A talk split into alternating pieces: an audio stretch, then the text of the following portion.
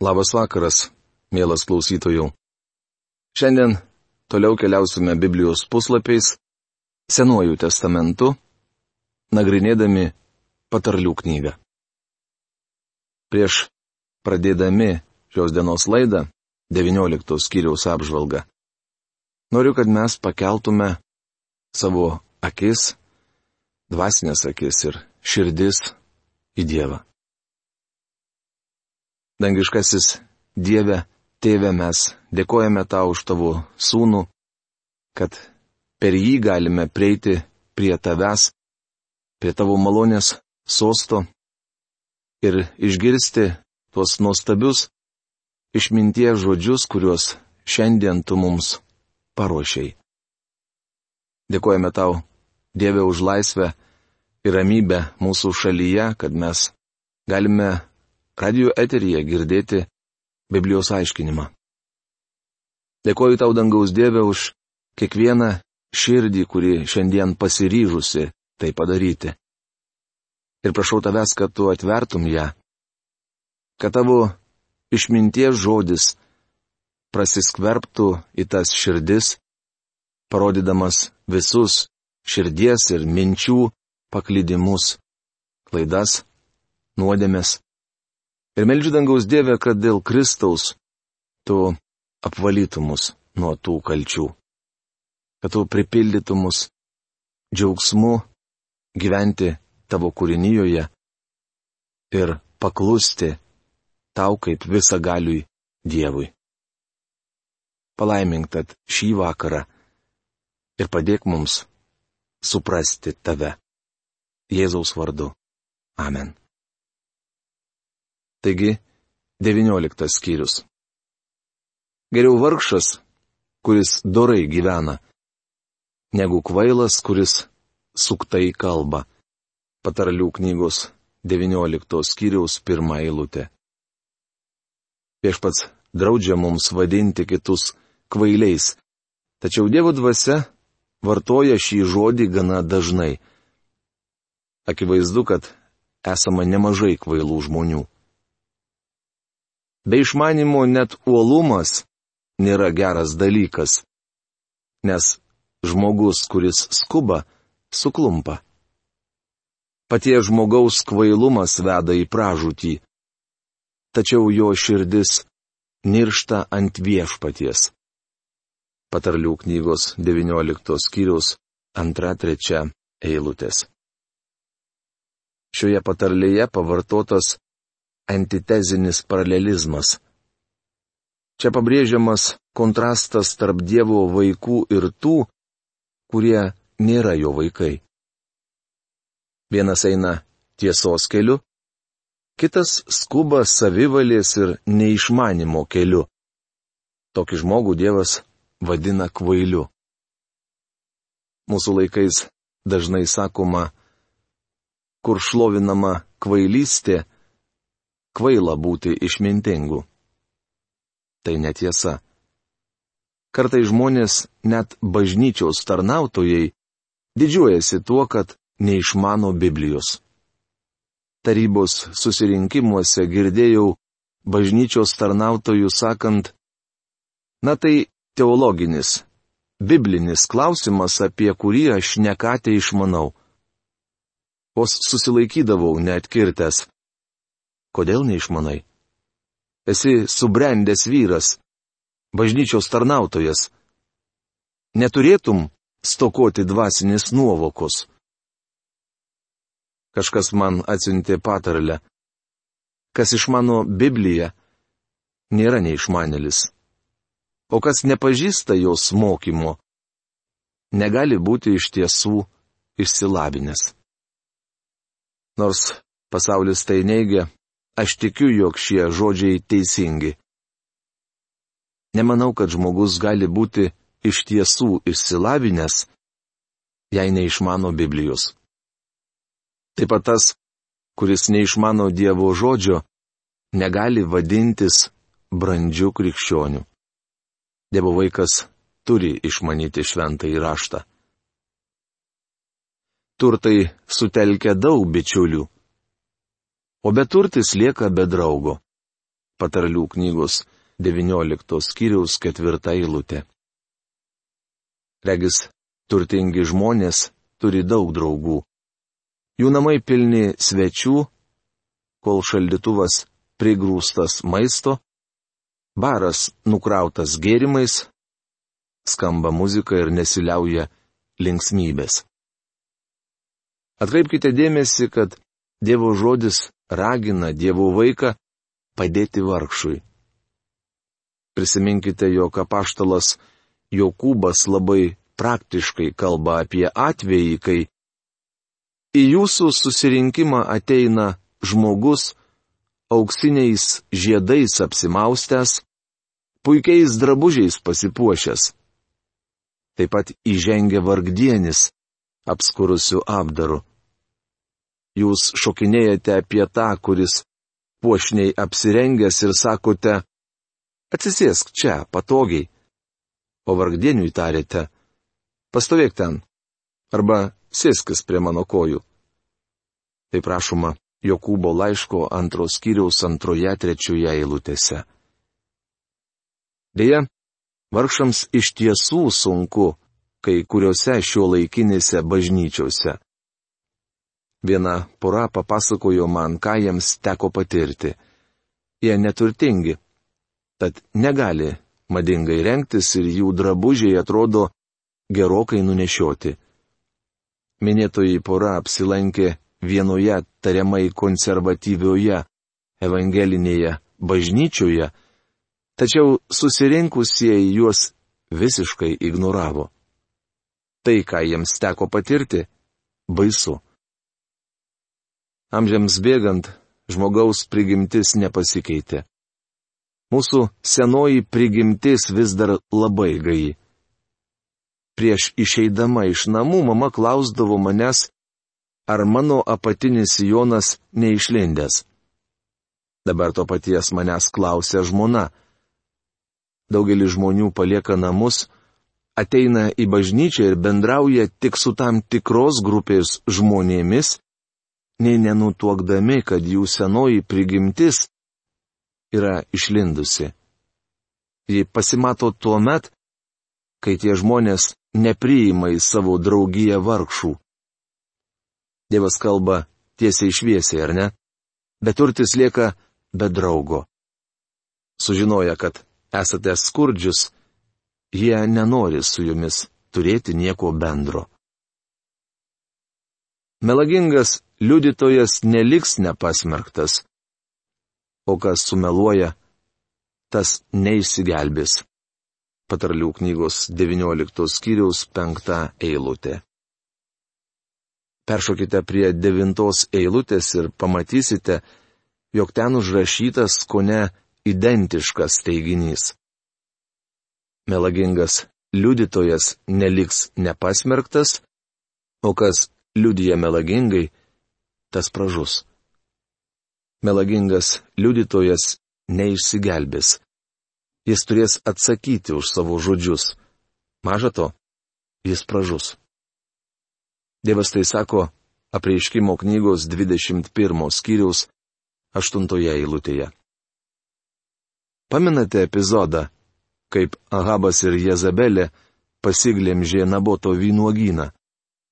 Ši istorija aprašyta karalių pirmos knygos 21 ir 22 skyriuose. Kadangi Nabotas nesutiko perleisti savo vynuogino karaliui, šis pasirūpino, kad būtų surasti melagingi liudytojai. Tie du paliudijo prieš Nabotą ir Nabotas buvo užmuštas akmenimis. Ahabas manė išvengsęs atsakomybės už šį nusikaltimą. Tačiau jį pasitiko Elijas ir pasakė, jog toje vietoje, kur buvo pralietas nekaltas Naboto kraujas, šunys laižys jo kraują. Kas įvyko vėliau? Sudaręs sąjungą su Juozapatu, Ahabas išėjo į mūšį prieš aramėjus. Juozapatą vilkinti karališkais drabužiais. Ahabas pastatė pačiame priekyje, o pats, kad liktų nepastebėtas, apsirengė eilinio kario drabužiais. Tačiau vienas priešų karys, net nesitaikydamas, įtempė iš akies lanką ir strėlė pati susirado Ahabą. Ahabas nukraujavo kaip paskersta keulė ir mirė. Kraujas tekėjo iš žaizdos į kovos vežimą. Kovos vežimas buvo nuplautas prie Samarijos tvenkinio. Šunys laižė jo kraują ir kekšis ėjo apsiplauti, kaip viešpats buvo sakęs rašoma pirmoje karalių knygoje 22 skyriuje 38 eilutėje. Pasakysite, tai bjauru ir žiauru? Sutinku. Tačiau, bičiuli, melas, melagingas liudijimas ir paskalos Dievo akise taip pat labai bjaurius. Dievas viso to nekenčia. Melagingas liudytojas neliks nepasmerktas. O kas sumeluoja, tas neišsigelbės. Daugelis pataikauja kilmingam žmogui, o duodančiam dovana kiekvienas yra draugas. Patarlių knygos 19 skyriaus 6 eilutė. Daugelis pataikauja kilmingam žmogui. Mes rašome laiškus kongreso nariams, gubernatoriui, o kartais net pačiam prezidentui, kai norime, kad būtų priimtas koks nors įstatymas. Duodančiam dovaną kiekvienas yra draugas. Tai grina tiesa. Žmogus turės begalę draugų, jei dalins jiems visiems dovanas. Visi vargšo artimieji jį niekina, o dar labiau jo vengia draugai. Kai jis jų šaukėsi, jų nėra. Patarlių knygos 19 skyriaus 7 eilutė. Na, gal vargšo artimieji nejaus jam tokios neapykantos, kaip mes įsivaizduojame. Dažnai jie paprasčiausiai jį ignoruoja. Turtuolis išvykęs savo tariamai nevykėlį brolį, atvažiuojantį į seną mašiną, gali sakyti savo žmonai, eime į mėgamai, užsirakinsime duris, tegul galvoja, kad mūsų nėra namie. Štai ką reiškia nekesti brolio. Beje, vargšams šiame pasaulyje sekasi nekaip. Kandidatai į aukštus valstybinius postus daug kalba apie tai, kaip jie padės mums vargšams žmogeliams. Tačiau vienintelė jų pagalba - didėjanti mokesčių našta. Po kiekvienų rinkimų aš moku vis didesnius mokesčius. Kiekvienas politikas žada palengvinti mums gyvenimą. Tačiau kol kas ne vienas nepalengvino ir nemanau, kad kas nors palengvins. Jaučiu, kad problemų susikrovė tiek daug, jog jų išspręsti nebepajėgs joks žmogus. Nūdienos problemų neįspręs joks žmogus, kad ir kas jis būtų. Žinote, ko mums reikia? Politikų, kurie kvieštų mus sugrįžti pas Dievą. Mums reikia žmogaus, kuris sakytų, klausykit, aš neturiu atsakymų į pasaulio problemas. Greškime į Dievą. Jis turi visus atsakymus. Tarnaukime jam ir melskimės. Mes jau išbandėme visus sprendimo būdus, tad ar nevertėtų išbandyti ir Dievą. Užuot įnikę į televizorių, verčiau klausytume Dievo. Pokalbių laidose mes jau girdėjome visų pasisakymus. Aišku viena. Žmonės garsiai kalba, bet mažai ką padaro. Mums reikia grėžtis į Dievą ir klausyti Jo. Kvailas vaikas neviltis tėvui, o niurnanti žmona nuolat lašantis vanduo. Patarlių knygos 19 skyriaus 13 eilutė. Paskutinėje patarlėje apie vyro ir moters santykius buvo sakoma, kad rasdamas žmoną vyras randa laimę. Žmona turi būti padėjėja vyrui, bet netarnaitė ar vergė. Iš kur jūs žmonės ištraukėte, kad žmona turi paklusti savo vyrui? Ji turi pasiduoti jam. Jei žinoma, šis yra toks, koks turi būti vyras. Nemanau, kad Dievas liepia žmonai pasiduoti savo vyrui kitomis aplinkybėmis. Tai, kas kalbama apie pasidavimą, tinka tik krikščioniškom šeimoms. Žmona turi pasiduoti tikinčiam vyrui, kuris myli ją kaip Kristus bažnyčia. Turėdama tokį vyrą, žmona gali jam pasiduoti. Ši patarlė gana juokinga, nors joje kalbama apie tragišką situaciją. Vargšas vyras, kurio vaikas kvailas, o žmona niurna. Galite įsivaizduoti, kokioje aplinkoje jis gyvena. Štai kodėl taip gera rasti tinkamą žmoną. Namai ir turtas - iš tėvų gautas paveldas, o sumani žmona ateina iš viešpaties. Patarlių knygos 19 skyriaus 14 eilutė. Jei turite gerą žmoną, gavote ją iš viešpaties. Beje, turėtumėte dėkoti už ją viešpačiui. Ar kada darėte tai? Padėkokite viešpačiui už savo gerą žmoną, nes ji yra jo dovana. Jaunoliai, turėtumėte įsiklausyti į šiuos žodžius. Norite turėti gerą žmoną? Geras žmonas duoda ne dukterų tėvai. Daugelis tėvų džiaugiasi galėdami atsikratyti dukters. Tačiau mūsų dangiškasis tėvas turi daug gerų dukterų, kurias yra pasirengęs išleisti už vyrų.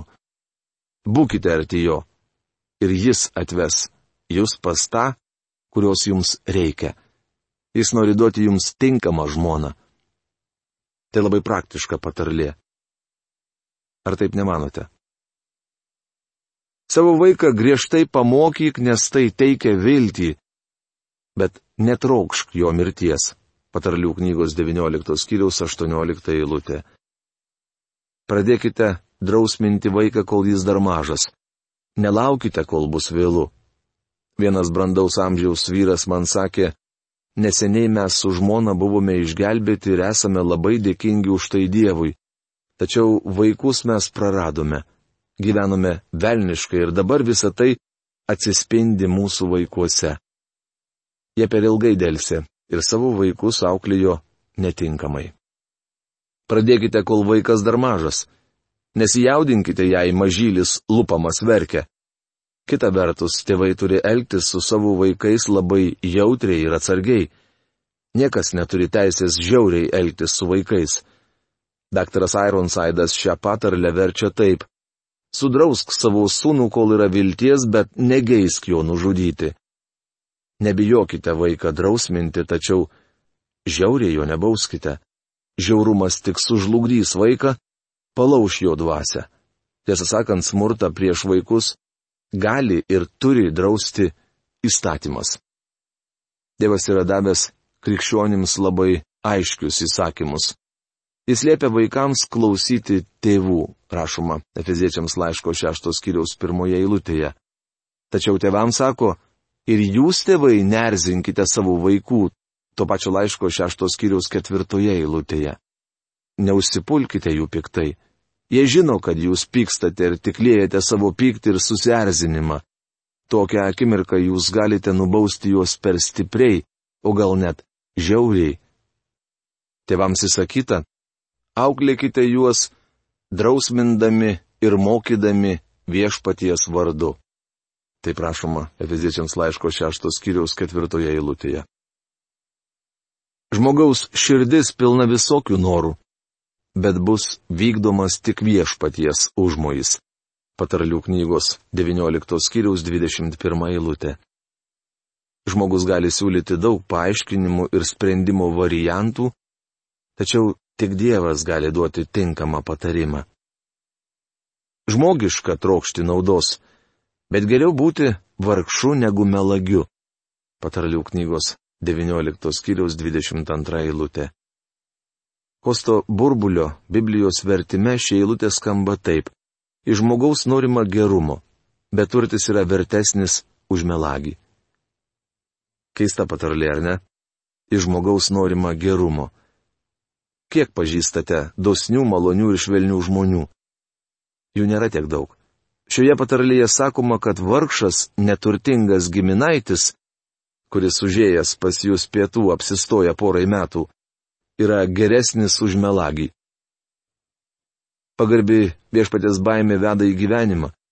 Žmogus valgo ir ilsisi nebijodamas piktą.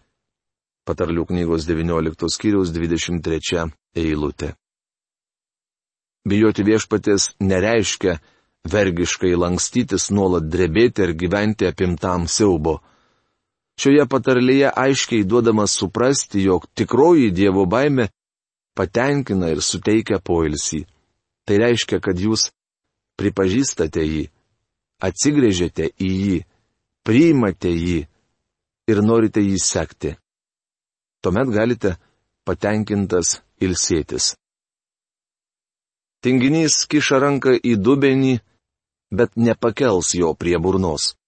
Patarlių knygos 19 skyriaus 24 eilutė. Galimas ir toks vertimas. Tinginys palaidoja ranką dubenyje. Šis vyras toks tingus, kad įkišęs ranką į dubenį tingi ją pakelti prie burnos. Na tai, ko gero, aukščiausias tinginystės laipsnis. Nelaimiai dažnai tai būna dvasinėje sferoje. Dievo žodis yra mūsų maistas. Pažįstu krikščionių, kurie paima į rankas Bibliją, bet tingi ją skaityti. Lasda parengta pašaipūnams, o rykštis kvailių nugarai, patarlių knygos 19 skyriaus 29 eilutė. Akivaizdu, kad artėja teismas. Dievas nėra švelnus tiems, kurie kalti. Nuodėmės teikiamas malonumas trunka akimirką, o bausmė už nuodėmę - visą amžinybę. Mielas klausytojų, ar girdėdami šios išminties žodžius vis dar liksite užsispyręs Dievo atžvilgiu, ne mano? Ar pripažinsite jo visą galybę? Ar atsigręšite į jį? Ar priimsite jį tokį, koks jis yra ir jo reikalavimus, kokius jisai mums duoda. Ir ar seksite kuriejų? Šiais klausimais norėčiau užbaigti savo laidą. Lauksime jūsų laiškų. Iki malonaus susitikimo. Sudė.